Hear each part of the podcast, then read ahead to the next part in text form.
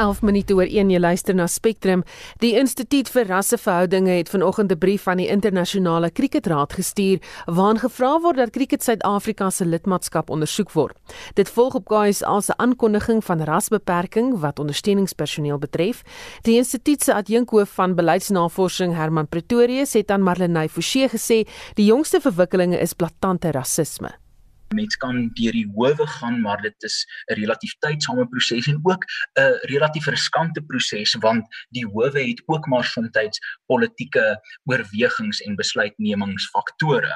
So ons het besluit eenvoudig om die meeste druk toe te pas op Cricket Suid-Afrika om hierdie absurde rasisme van ontslae te raak. Is die beste aanslag om internasionaal te gaan. Ons weet die internasionale kriketraad het al opgetree teen Zimbabwe so onlangs as laas jaar, so dit is nie ongehoord van nie. Hy sê die kriketraad se waardes word reeds dekades lank ondermyn. Regverdigheid is ondermyn deur ideologiese agendas, integriteit is ondermyn vir politieke opportunisme en manipulasie, uitnemendheid is sekondêr gestel aan verdere politieke besluitneming, 'n tekort aan verantwoordbaarheid het gelei tot wanbesteding, wanbestuur en natuurlike kwessies soos hierdie nuutste beleidsbesluit om so op te tree dat hierdie waardes ondermyn word is in stryd met artikel 24 van die kriketraad se grondwet in meer as een opsig. Volgens hom is dit die rede waarom lande so Zimbabwe uit die raad geskort is. 'n Korttermyn oplossing is om die beleid wat sekere rasse se aanstelling beperk op te skort. As 'n langtermyn oplossing, die volgende voorstelle: alle raskwotas op alle spanvlakke moet vervang word deur meriete gebaseerde besluitneming. So ook alle aanstellings in bestuursposte en ondersteuningspersoneelposte. Regeringsfondse moet beskikbaar gestel word en geherallokeer word om uh, ontwikkeling van sportinfrastruktuur in publieke skole te bevorder want tans het slegs 6% van publieke skole 'n uh, cricketsportinfrastruktuur.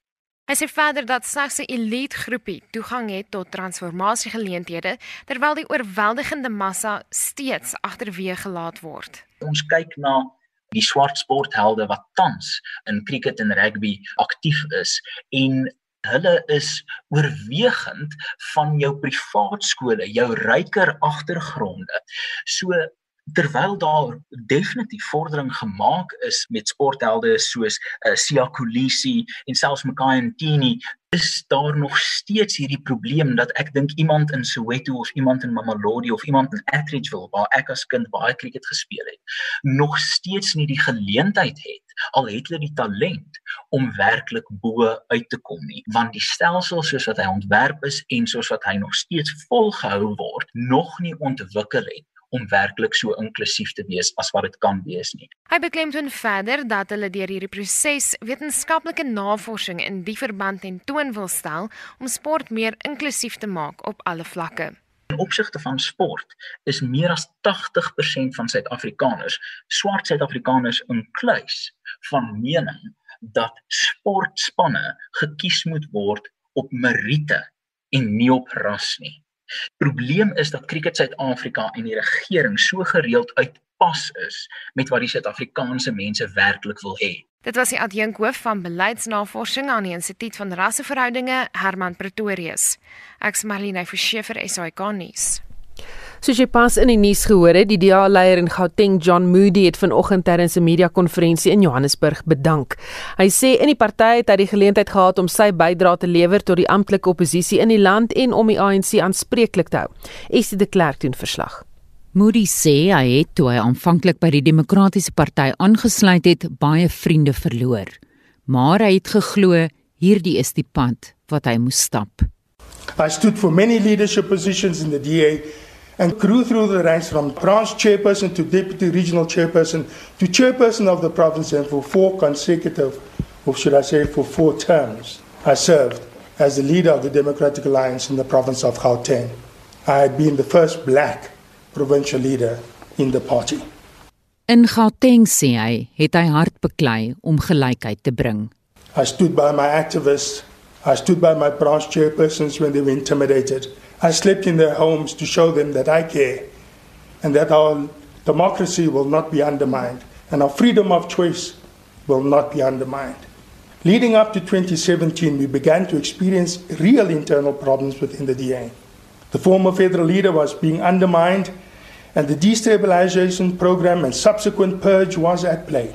En dis hier waar dinge begin warm raak het.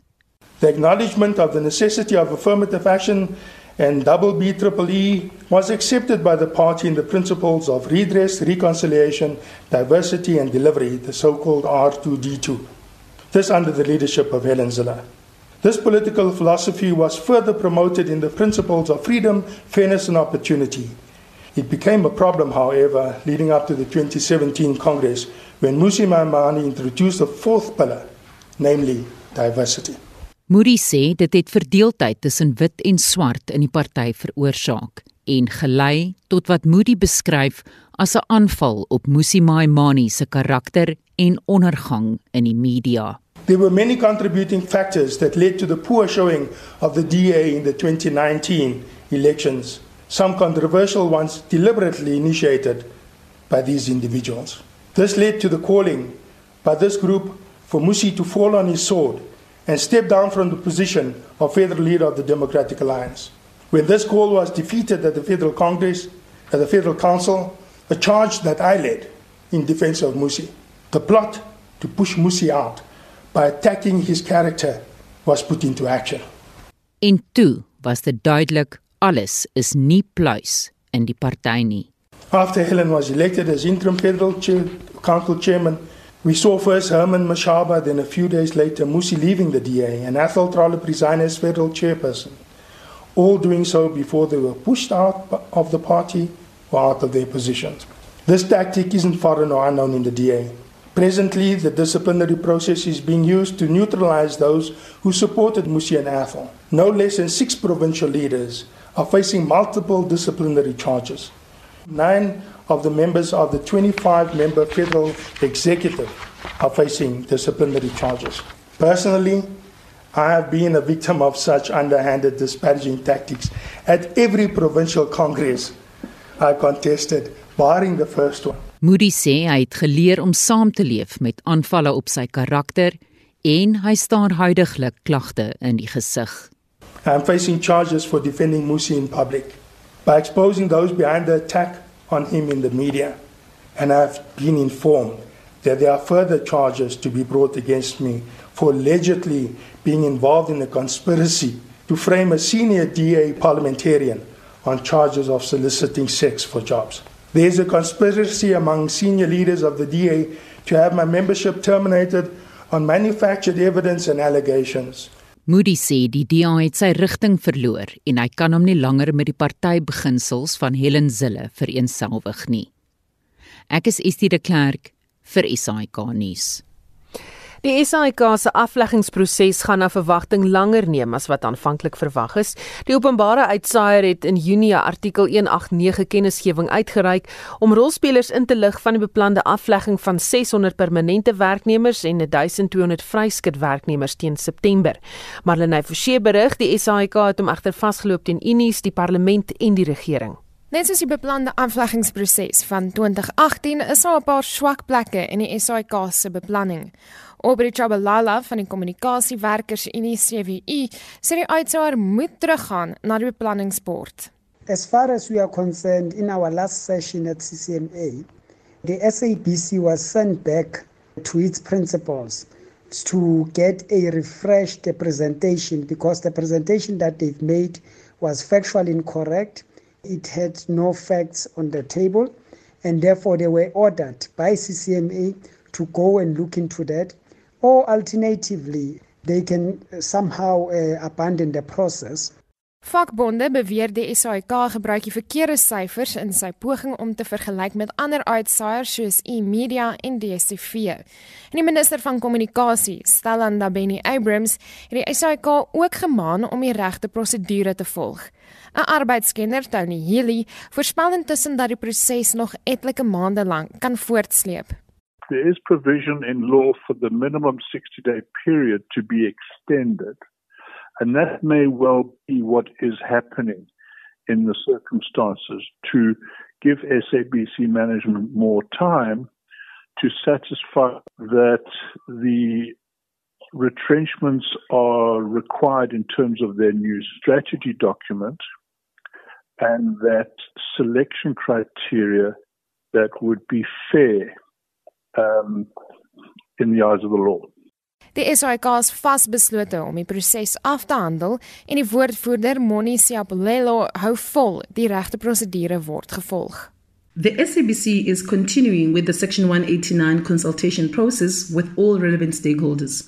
The Section 189 process is premised on the turnaround plan, which is a bailout precondition by National Treasury and follows the approval of the target operating model. For the corporation is in good faith following the prescripts of the Act.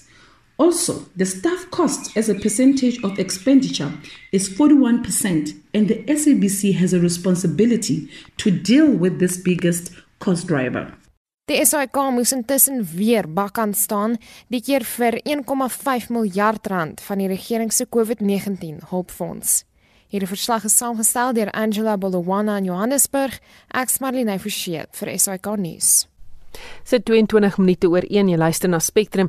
Dele van die Voortrekker Monument in Pretoria steeds te koop vir die publiek. Die bestuur van die monument het vroeër die jaar met 'n veldtog begin om die monument stuk stuk te verkoop in 'n poging om fondse in te samel om finansiëel kop bo water te hou. Die bestuurende direkteur van die Voortrekker Monument en Erfenis Stichting, Cecilia Creer sê, deur die projek kon die monument behoue bly. Creer sê ook September maand is Erfenis maand en dit is juis nou belangrik dat mense moeite moet doen om meer oor Suid-Afrika se kultuurgeskiedenis te leer. Ons het so by 1.3 miljoen daarmee ingesamel nog 'n entjie van die 6 miljoen af wat ons gehoop het. Aanvanklik was ons oorval en dit het ons administrasie bietjie uitgegooi want ons kon nie voorsien dat 'n ouma byvoorbeeld 15 stene vir haar 15 kleinkinders wil koop en 'n sertifikaat vir elke een wil hê nie. so dit het ons 'n bietjie gegooi, maar intussen het ons so weldoener gekry wat vir ons so 'n aanlyn winkel ontwerp het waarna die verkope en die administrasie daarvan baie makliker gegaan het. Maar ehm um, weet ons het van die gaatjie bo in die dak tot die senotaaf tot die vier hoekfigure, die waans om die monument, daar is nog van hulle oor die venstertjies. Meeste van daai belangrike elemente, argitektoniese elemente is verkoop, maar nou sit ons nog met ongeveer 45000 granietstene teen R100 elk. Sê vir my, ja. uh, voor ons nou verder gaan, daai gaatjie in die dak, vir hoeveel is hy verkoop? Ek dink hy is vir R5000 verkoop jy vra my nou vas, maar ek dink dit is omtrent R5000 gewees, dalk 'n bietjie meer. Maar hy is nog 'n belangrike element, nee, want soos ja. julle weet, 16 Desember om 12 uur doen hy sy ding. Dit is ons nou alles 'n projek om die die Voortrekker Monument kop bo water te laat hou in hierdie tydperk van weet inperking. Gaan die projek voort? Ja. Ons het nou 'n nuwe element wat ons hier in September in Erfenismaand 'n veld gaan lood op die 24ste September. Die belangrikste eienskap van die monument is seker die wêreldbekende, wil ek regtig vir sê, marmervries wat oor die 92 meter lank is in die Heldesaal. En hy bestaan uit layers. En elke paneel is 'n toneel wat iets 'n gebeurtenis uit die groot trek voorstel. En ons het besluit ons gaan hierdie panele ontleed kultuurhistories want van hulle het uiteraard belangrike figure op van hulle het baie belangrike kultuurhistoriese voorwerpe soos kersse, vorms, skape, beeste, honde, perde. Dis eintlik elkeen vertel sy eie storieetjie. Ja. So ons is nou in die proses om elke die geskiedenis agter elke ene op te teken, 'n kort stukkie. Sodra ons daarmee klaar is, gaan ons dan 'n prys aan elkeen koppel en ons gaan dan mense nooi ons gaan dan ook natuurlik die hele marmer vries op ons aanlyn winkel laai en dan wil ons op 24 September mense nooi om hulle stukkie kultuurgeskiedenis te kom koop. Ook gewoon net daaroor. Dit dien ook as 'n baie lekker opvoedkundige geleentheid, jy weet. Hoekom is dit belangrik dat ons moet herinner word aan ons verlede? Ag, Susan, ek dink in, in die tye waarin ons is, ons erfenis leer vir ons van mekaar se se verlede en identiteit en veral in 'n diverse land soos ons in. Is daai kennis baie belangrik. Kennis is tog nou maar mag, dis 'n geuite uitdrukking. Um, maar tog, wanneer 'n mens meer weet van 'n ander kultuur, dan glo ons dat dit respek kweek. En respek is iets wat ons in Nederland veral nou regtig nodig het. En dit was die bestuurende direkteur van die Voortrekker Monument en Erfenis Stichting, Cecilia Creer. Wêreldwyd is daar 'n groot poging of word daar 'n groot poging aangewend om koraalriwe te red. Die riwe verbleik en sterf soos wat die watertemperatuur van die see as gevolg van klimaatsverandering styg. Wetenskaplikes sal tradisioneel die korale in kleiner stukke breek om groei aan te wakker, maar by die Universiteit van Mexiko het wetenskaplikes 'n ander manier ontdek wat nog beter is. Hier versamel wetenskaplikes die eiers en die sperm en bevrugting vind in die laboratorium plaas. Die koraallarwes word dan later in die see teruggeplant. 'n Doktorsgraad student aan die Noordwes Universiteit se dierkunde departement, Veronica van der Schuyf, spesialiseer op die gebied van korale. Sy sê dis 'n moeiliker proses, maar die voordele daaraan verbonde is net soveel meer. Korale spoon net een keer per jaar. Hulle kan voortplant op verskillende maniere, maar hierdie spawning is hulle hoofmanier van voortplanting. Elke kolonie laat al hulle uh, materiaal vry en dan uh, die waterkolom dryf al die eie selletjies en larwe en alles rond. Dan gaan plaas dit neer op 'n deel van die rif en dit groei weer en dit maak 'n nuwe kolonie. Nou wat die mense doen, dan gaan duik hulle en hulle vang al hierdie materiaal op. En dan fertiliseer hulle dit in die laboratorium. Hulle gee vir die um, klein larfies 'n struktuur wat hulle 3D print om aan te heg. En dan later, wanneer die uh, metamorfose klaar gebeur het en die larfies is nou besig om klein poliepe wat koraalkolonies word, um, op op hierdie strukture is, dan geplaas hulle dit weer terug in die rif. Nou die belangrikheid daarvan is die feit dat daar so dan um, genetiese diversiteit is. Dis nie net 'n stukkie van 'n ander kolonie wat hulle afsny wat dan weer groei. Wat hier is wat hulle wel kan doen, maar dan verloor jy die genetiese diversiteit en deur daai diversiteit kan korale aanpas om te kan werk met die temperature wat soveel styg. Ek wou nou vir jou vra, jy weet, hoe gaan dit help om daardie probleem uit die weg te ruim want die korale gaan dood as gevolg van die seewater wat warmer word. So hoe gaan hierdie plan dit verhoed? Uh, Voorbeeld wat ek kan gebruik is presies um as hulle dit nie so doen nie, is dit dieselfde probleem as wat jagluiperd in 'n terrestriële omgewing kry. Met daai met daai bottleneck van genetika dan as die genetiese diversiteit te laag is in spesies, dan verloor hulle hulle meganisme om te kan aanpas en cope met nuwe um, situasies soos hierdie temperatuur. Maar wel, die stadium dit is nou 'n bietjie moeilik, maar daar is definitief die beste hoop wat hulle het. Hoekom is dit so belangrik weer eens dat ons koraalriwe moet red? Koraalriwe is beslis die belangrikste ekosisteem wat in die see is. Dit bitter klein. Dit is minder as 1% van die hele seevloer wat die rivier is, maar dit huis meer as 'n kwart van al die marine spesies wat daar sou bestaan. Ons op 'n stadium in die lewensiklus op die rif belangrik. En dan natuurlik vir die mense is dit ongelooflik belangrik. Een studie sê oor 5 miljard dollar se um, inkomste word gegenereer deur koraalrivier toerisme hoofsaaklik en ook dit gee vir ons 'n eh, struktuur waar die groot golwe en storms van um, kan keer dat dit nou nie die kus kan gaan erodeer nie. Hoe gaan dit met koraalriwe hier in Suid-Afrika, weet ons?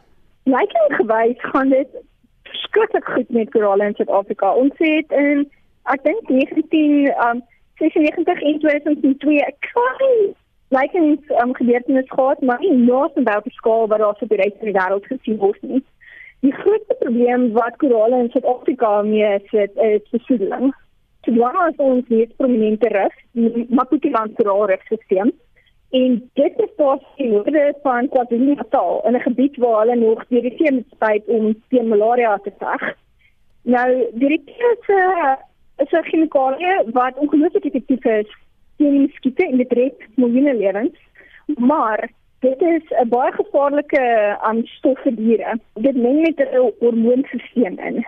En dan kan dit veroorsaak dat hulle nie so effektief skoon hulle kan nie. So daar is baie hoë konsentrasies DDT al in sagte korale en Sibwana gevind. As wat so 'n swaar metale soos nikkel en yster wat ook met hulle um, hormoonstelsel van inmeng. En dit was 'n doktorsgraad student aan die Noordwes Universiteit se dierkunde departement Veronica van der Schuyf. Jy luister na Spectrum elke weekmiddag tussen 1 en 2.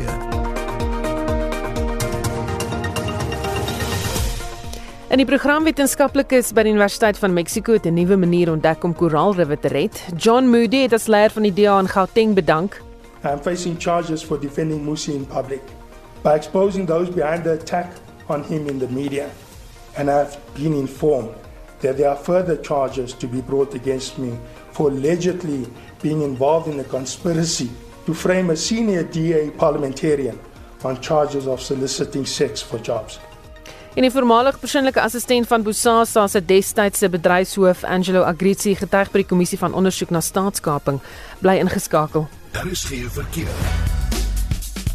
In die Weskaap Kaapstad staan 'n vragmotor op die N1 stadtyd net na die Plattekloofweg afrit, dan uh, staan daar ook, lyk like dit vir my, 'n vragmotor of eerder 'n voertuig op die N2 stad en net na die N2 M3. 'n uh, Wisselaar linkerbaan is toe daar. In KwaZulu-Natal staan 'n voertuig op die N3 Noord net na die uh, KwaMashu wisselaar in die linkerbaan en in Gauteng Johannesburg staan 'n voertuig op die N3 Suid net na die Gululies wisselaar ook in die linkerbaan en dit is jou verkeersnuus.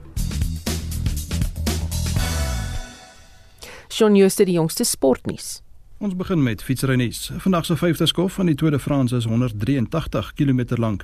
Die plaaslike Julien Alaphilippe dra die geel en Benoit Consfoy die gespikkelde trui. Pieter Sagan van Slowakye is in die groen en Tadej Pogačar van Slovenië in die wit trui. Tennis. Van die dag se tweede ronde kragmetings by die Amerikaanse Ope in New York om na uit te sien is in die mansafdeling Suid-Afrika se Lloyd Harris teen David Goffin van België en Novak Djokovic van Servië teen die Brit Carl Edmund. In die vroue afdeling stap die Tsjeeg Karolina Pliskova teen Caroline Garcia van Frankryk en Naomi Osaka van Japan teen die Italianer Camilla Giorgi op die baan uit. Die dubbelspel kompetisie begin ook vandag. Suid-Afrika se Ryan Klassen en sy spanmaat van Oostenryk Oliver Marag meet later teen die Nieu-Seelander Marcus Daniel en Philip Oswald ook van Oostenryk kragte. En laastens op die sokkerveld in die tweede laaste ronde van die PSL seisoen draf Kaizer Chiefs aan teen Chippa United, Mamelodi Sundowns teen Polokwane City en Wits teen Black Leopards op die veld uit. SuperSport United kom teen Baroka FC Orlando Pirates teen Maritzburg United en Cape Town City teen Highlands Park te staan. Bloemfontein Celtics speel ook teen Golden Arrows en Stellenbosch FC teen AmaZulu. Die agt wedstryde skop 6 uur af. Shaun Jooste van RSG Sport. Die kommissie van ondersoek na staatskaping het vanoggend getuienis aangehoor van Gina Pieters, die voormalige persoonlike assistent van die voormalige bedryfshoof van Bosasa, Angelo Agrizi. Ons praat met ons politieke verslaggewer wat uh, die saak dophou, Ntebo Mkobo. Good afternoon, Ntebo. Good afternoon, Susan, and good afternoon to the listeners. Could you summarize Gina Pieters' testimony for us? Well, Gina Peters came this morning, and uh, as was expected, she was just there to sort of corroborate what uh, uh, former CEO of Musasa, uh, Mr. Angelo Agrizi, was saying in terms of uh, the presence, because you would understand that she was the PA to uh, Angelo Agrizi. And of course, he was just telling the commission in terms of what happened, especially the arranging some presents, arranging hampers from uh, Mrs. Nombula Mukonyane as well as uh, her PA, Ms. Ms. Thomas. You would recall that I mean, Ms. Thomas yesterday also came before the commission and testified. And uh, she was asked about, I mean, uh, on Monday, she was asked about uh, some of the presents that they got from Mr. Watson and Mr. Angelo Agrizi, especially on their birthday. Yes, she confirmed, I mean, Gina Peters confirmed this morning that they uh, she had to uh, make some arrangements uh, to give hampers as well as presents to uh, Ms. Nombula Mukonyane as well as her PA, especially on their birthday. She couldn't recall whether that was happening annually, but she said from time to time they used to send uh, presents and hampers. And she was even again asked about the meeting. Would recall that I mean, at some point uh, on Monday, uh, Sandy Thomas said that uh, there was meat that was sent to Ms. Nomvula Mukonyani's garage and then it was then sent to uh, some people in Kahiso. She said that she couldn't recall, but uh, she might have uh, signed off some of those uh, invoices, but she can't recall. The former financial officer of the Free State Department of Agriculture, Sepati Dlamini, also testified in regard with the Vrede Dairy Project. What did she say? Well, she said to call, I mean, uh, in a way, she, the commission wanted to quiz her on the application of her responsibility as the, the, the, the, the chief financial officer because uh, as the chief financial officer, you would recall, you're responsible for the budget of the department. But at some point, she had she signed off a, a number of uh, transactions that were not even compliant or that were not complying with uh, the, the, the, the, the, the PFMA because you would recall that I mean at some point they had to appoint a, a, a some people called implementing agents. Those implementing agents were, were called in because some officials within the department were very incompetent. They couldn't execute their, their responsibilities. So they had to get these people to do the job in terms of ensuring that when projects are laid out, those projects are seen to be fully implemented and finished on time. But it seems some officials in the department they couldn't even uh, master those responsibilities that they were hired to do. But instead, the department then appointed these implementing agents, and those implementing agents per project. If the project, let's say the project costs 100 rand, they were charging the department or they were charging a hair department uh, 10%. And at some point, it was very strange that at some point, one uh, uh, uh, uh those implementing agents, at some point they had in their account they had around 16 rand, but uh, the department had the veracity and the nerve to give them 30 million rand. A company that has only 16 rand on its bank account was given 30 million rand at some point. Commission was trying to sort of understand the rationale behind the appointment of these uh, implementing agents and uh, the, the, the, the, the, I mean, the CFO, the former CFO, is denying that it was the application of responsibility on their part to appoint those people while they have people who could be executing those responsibilities. So that uh, testimony will continue after a, a lunch break. Baie dankie, dit was ons politieke verslaggewer Ntebo Mkobo by die kommissie van ondersoek na staatskaping. Is die ANC ernstig oor die stryd teen korrupsie? Dit is van die vrae wat gevra word na onderhoud op eh, die SAIK met die woordvoerder van die presidentskap van die ANC in Ntuli Sibongile Basani. Steven Groot het die onderhoud met Basani gevoer en hom gevra wat die ANC bedoel wanneer hy sê lede wat vir een of ander eh, oortreding ondersoek of vervolg word, moet op sy staan. Basani het vraag of die vraag eerder telke male probeer ontduik. Hier is 'n uittreksel uit die onderhoud. Basically once a policy has been uh, sort of pronounced or a decision has been pronounced of this nature, it's always important to appeal because we're a political party. We also appeal to the revolutionary and political consciousness of our members, and they have always abided by uh, the instructions from above. I'm sorry, Mr. Basani, but that's not true. And Dile Lungi says not abided to the instructions from above. No, no, no, no, no. If a, a person is not happy for instance, the ANC does not say, does not stop people from going, taking legal action. But in many of these instances, people, when they are aggrieved, they, they go to the, to, to the courts of law. But in many of these instances, members of the ANC, members of the ANC do abide by the instruction from the higher structure. And it, it, it has worked. It, it, it's not the first time.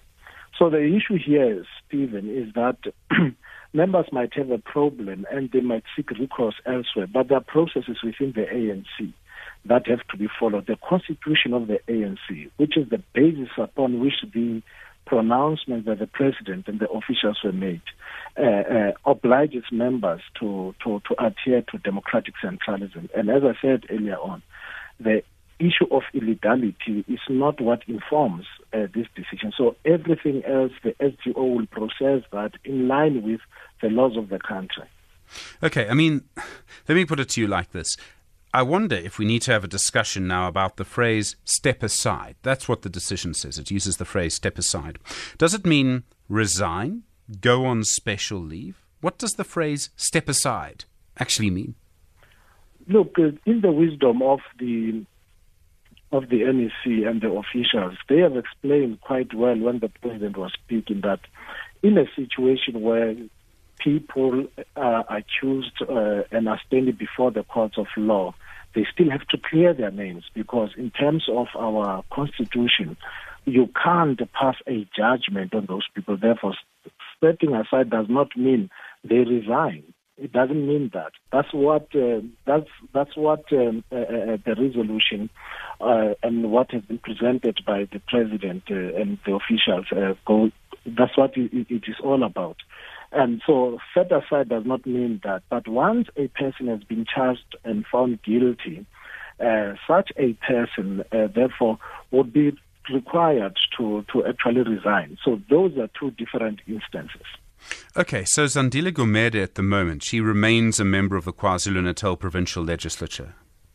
we cannot find her guilty when uh, she's still before the courts of law. No, no, no. Sure, I'm but asking. I'm asking just, just, yes, just as a fact. Yeah, she remains. Yeah, I thought, I thought, I thought it's obvious. Yeah, Okay. That's the point. Well, well, hold on, hold on. That... Let, let, let, me sort of go where I'm going, and you can you can you can engage me there. So she remains okay. she remains a member of the KwaZulu Natal provincial legislature. So she so so to step aside mean that she receives a salary, but she doesn't go to meetings of the KwaZulu Natal provincial legislature. She doesn't vote. Look, the detail of it is the step aside means he doesn't resign. That's how far I can explain it. But then, they... but then, what does step aside actually mean? It would mean nothing. She remains a member of the KwaZulu Natal no, no, legislature. No, it, it, look for the ANC, for the president to pronounce on this decision in a manner that it does. It does not mean it means nothing. It's it's a step in the right direction. That look, remember what has happened. Context is important. We've had a situation where issues of corruption have been quite Nou dit is die woordvoerder van die presidentskap van die ANC in Letuli, hy Sipongile Basani. Nou die gesprek gaan so voort en raak dan nou al driftiger en ons het gister met die politieke en beleidsontleder van die Noordwes Besigheidsskool Tieu Venter gepraat um, oor hierdie gebeure. En ons praat nou weer met hom. Goeiemôre Tieu. Goeiemôre. Jou reaksie op die woordvoerder se antwoorde? Wel as dit 'n student in 'n mondeling was, sou ek vir hom gesê het hy's besig om te gorrel. En as dit uh, in Amerika was sou mense dit political spin genoem het. Maar kom ek probeer kom ek probeer verduidelik wat hier aangaan. Die die president volg op die oomblik um, dieselfde patroon wat Thabo Mbeki gevolg het. Thabo Mbeki het 'n sekspersoon van die presidentskap in Lutuli huis gehad of in die ANC se hoofkwartier destyds. En maar maar die mense wat Thabo Mbeki gekies het, was met die hand gekies en dit was mense wat presies verstaan het wat hy gedoen wil hê en waartoe hy op pad is. Daar uh, uh, Cyril Ramaphosa as ek dit nou op sy wreedste moet sê is 'n uh, is gekoopteer in 'n faksie. Die faksie is nie rondom Cyril Ramaphosa gebou nie. Die faksie het staan en Cyril het 'n kandidaat geword. En nou word hy allerlei mense gegee om vir hom op te tree. Besani byvoorbeeld is 'n is 'n lid van die parlement wat uit um, uit die Oos-Kaap uitkom en wat ook lid is van die NEC.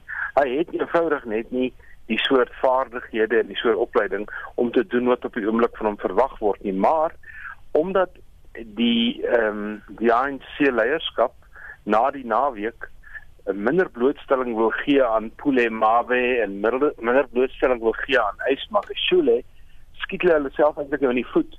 Het nie beter mense daar te stel om hierdie soort vrae te antwoord nie, want dit laat die president eintlik baie swak lyk. Dit verskeie mense het na die onderhoud gesê dis bewys dat die ANC nie ernstig is met die aankondiging oor korrupsie nie.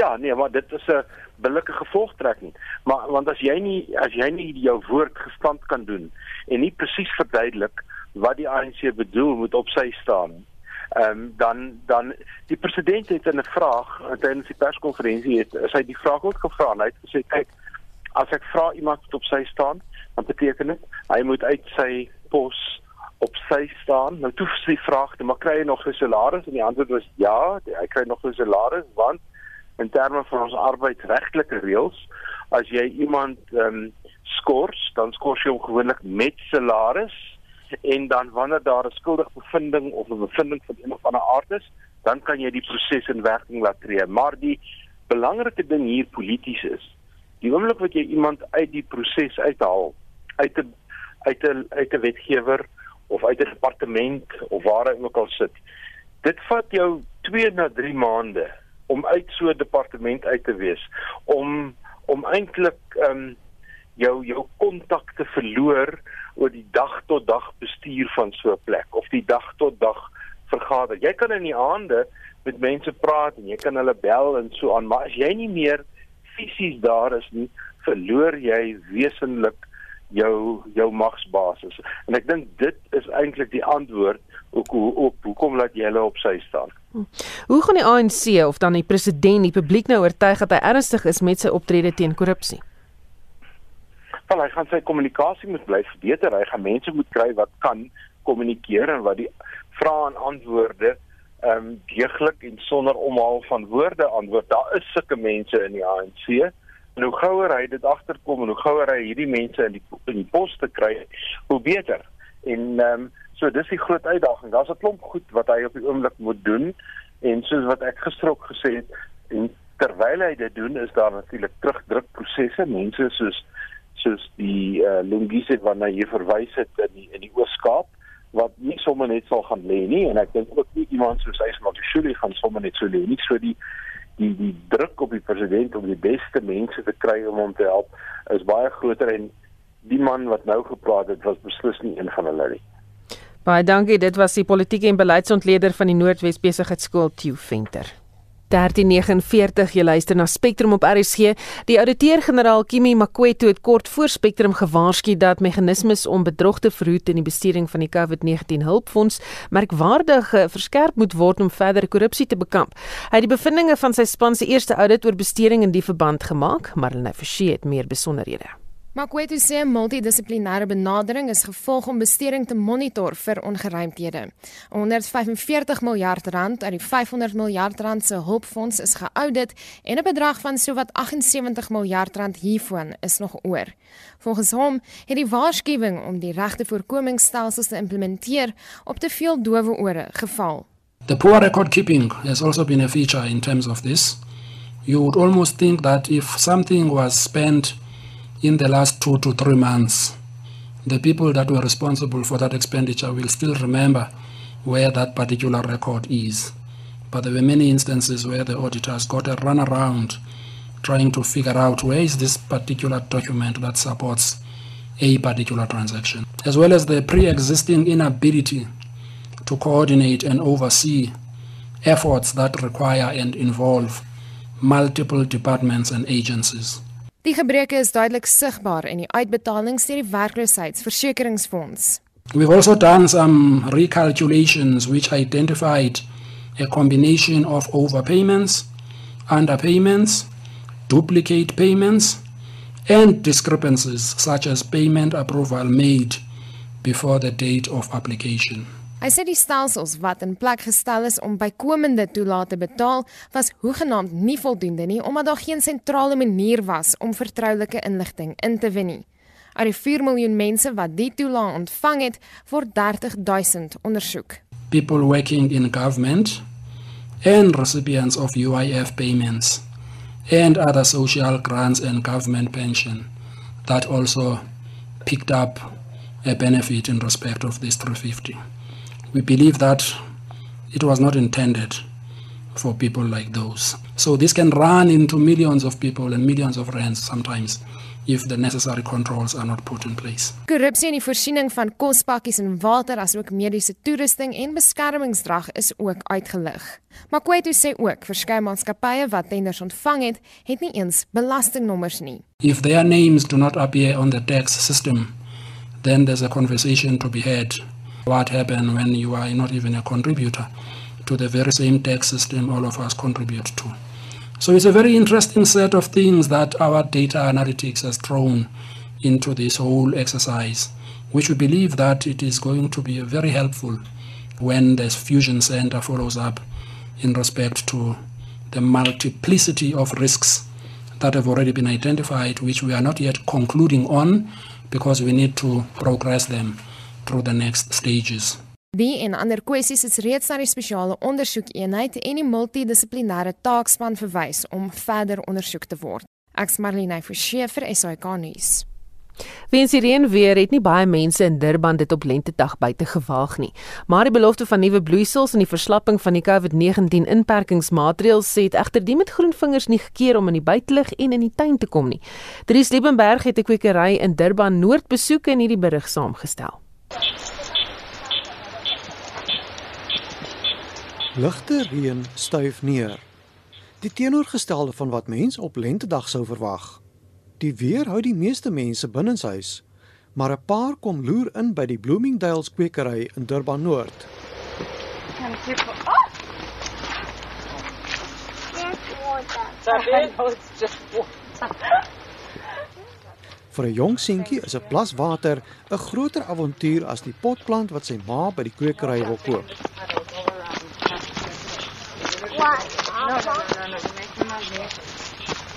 Onder die skuilings van 'n skadinet kla Bloomingdale se eienaar, Cecilia Jeffries, nie oor die weer nie. This kind of encourages the plants to grow and um, causes everyone to come in with, and buy their fertilizers and lawn dressing, composts, all that sort of thing. So it definitely is a good start to the spring. Jeffries sê nou dat die COVID-19 inperking tot vlak 2 verslap is, besoek meer mense die kwekery. At the moment, I'm finding herb and herbs and vegetables because I think people are wanting to become more self-sufficient with growing their own and eating their own veggies, with it becoming quite expensive. But other than that, all your pretties, you know, the roses and orchids, daffodils, that sort of thing. Lucia Dalmeida kom koop struike. Sy wil dit saam met haar twee seuns plant om hulle uit die huis uit te kry in die tuin. Actually, it's more like technology, TVs and tablets, and is that why I'm here?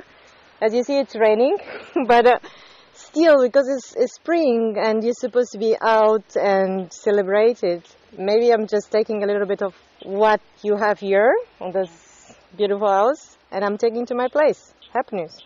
Die hoogswangerde Almeida was meeste van die grendeltyd by die huis om die gevaar van COVID-19 te verminder. Sy sê haar tuin is haar toevlug iets wat sy van haar ouma geleer het. So I decided to continue and I'm teaching my kids at the moment. Times to times I come here and I buy these beautiful plants that are here. Sometimes I don't even know the names, how to pronounce, and I ask them, and then I take them. So I have my plants, my kids they have their plants, and all of us we take care of the garden.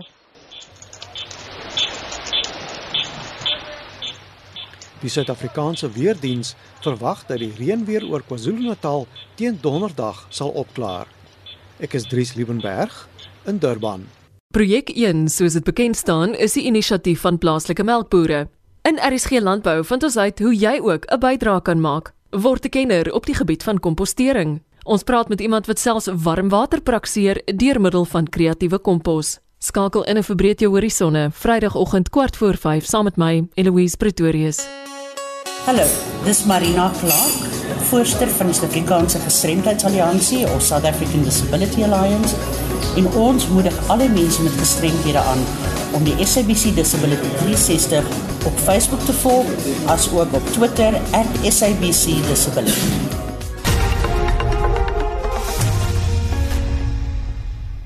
Jy luister na Spectrum. Die COVID-19 pandemie het dood en swaar kry in die land meegebring en 'n opname toon dat vroue in die landelike gebiede ekonomies die swaarste geraak is. Die studie deur die Rhodes Universiteit in samewerking met die Universiteit van Kaapstad toon dat die tipiese verdienste van sulke vroue met tot 70% gedaal het sedert die begin van die pandemie. Die studie het die impak van die pandemie op die informele ekonomie ondersoek. Veronica Fourie doen verslag. In nog 'n ondersoek is bevind dat 3 miljoen werksgeleenthede verlore gegaan het tydens die pandemie, waarvan 2 miljoen vroue is. Dit het ook bevind dat mans meer bevoordeel is deur die regering se COVID-19 toelaag. Professor Michael Rogan sê meer as 7000 mense het aan die telefoniese opname deelgeneem. Researchers from Wits University, Daniela Casale and, and Dori Posel, used the same data that that I've analyzed and and found that of the 3 million jobs that were probably lost in April due to the lockdown and the and the pandemic, two thirds of those, or, or 2 million of the 3 million, uh, were lost by women. So it really does seem that this she session has has come about in South Africa as well. Hy sê die navorsing beklemtoon die bestaande uitdagings wat vroue in die arbeidsmag in die gesig staar. That this particular crisis has really exacerbated the pre-existing inequalities and, and vulnerabilities. So South African women have been at a disadvantage in the labor market before this crisis and will continue to be. But on top of those existing uh, vulnerabilities, they've really borne the brunt of this crisis in, in quite a quite a startling way. Professor Rogan se navorsing het bevestig dat mans meer ondersteuning as vroue in die tyd gekry het. If we look at for example the special COVID-19 grant that government ha has rolled out, two thirds of, of those have been um, awarded to men, uh, or have been given to men. So it, there's a little bit of a, a, lopsided feature of the of the support package. Uh, women were disadvantaged more than men, but the special uh, COVID grant was received by men. Die ekonomie is wel besig om te herstel. Straatverkopers in Port Elizabeth doen weer sake, maar inperking het hulle geknou. I did not receive any assistance from the government. I don't even get grant and I did not even receive the 350 rand COVID support grant. My business has been really affected. As a result, my daughter still can't come to the street. I also had to close, but we opened again, but my children are still at home. Die slotsom is dat vroue in die informele sektor slegs die helfte van die ure per maand gewerk het as voor die pandemie, maar mans het net 'n kwart van hulle werksure verloor. Vroue is dus ekonomies meer kwesbaar en behoort meer steun te kry. Veronica Fourie in Port Elizabeth.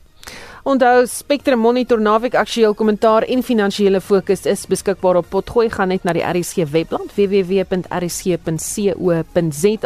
Jy kan ons ook volg op Twitter by Monspek1 of op facebook.com vorentoe skynstreep ZARSG.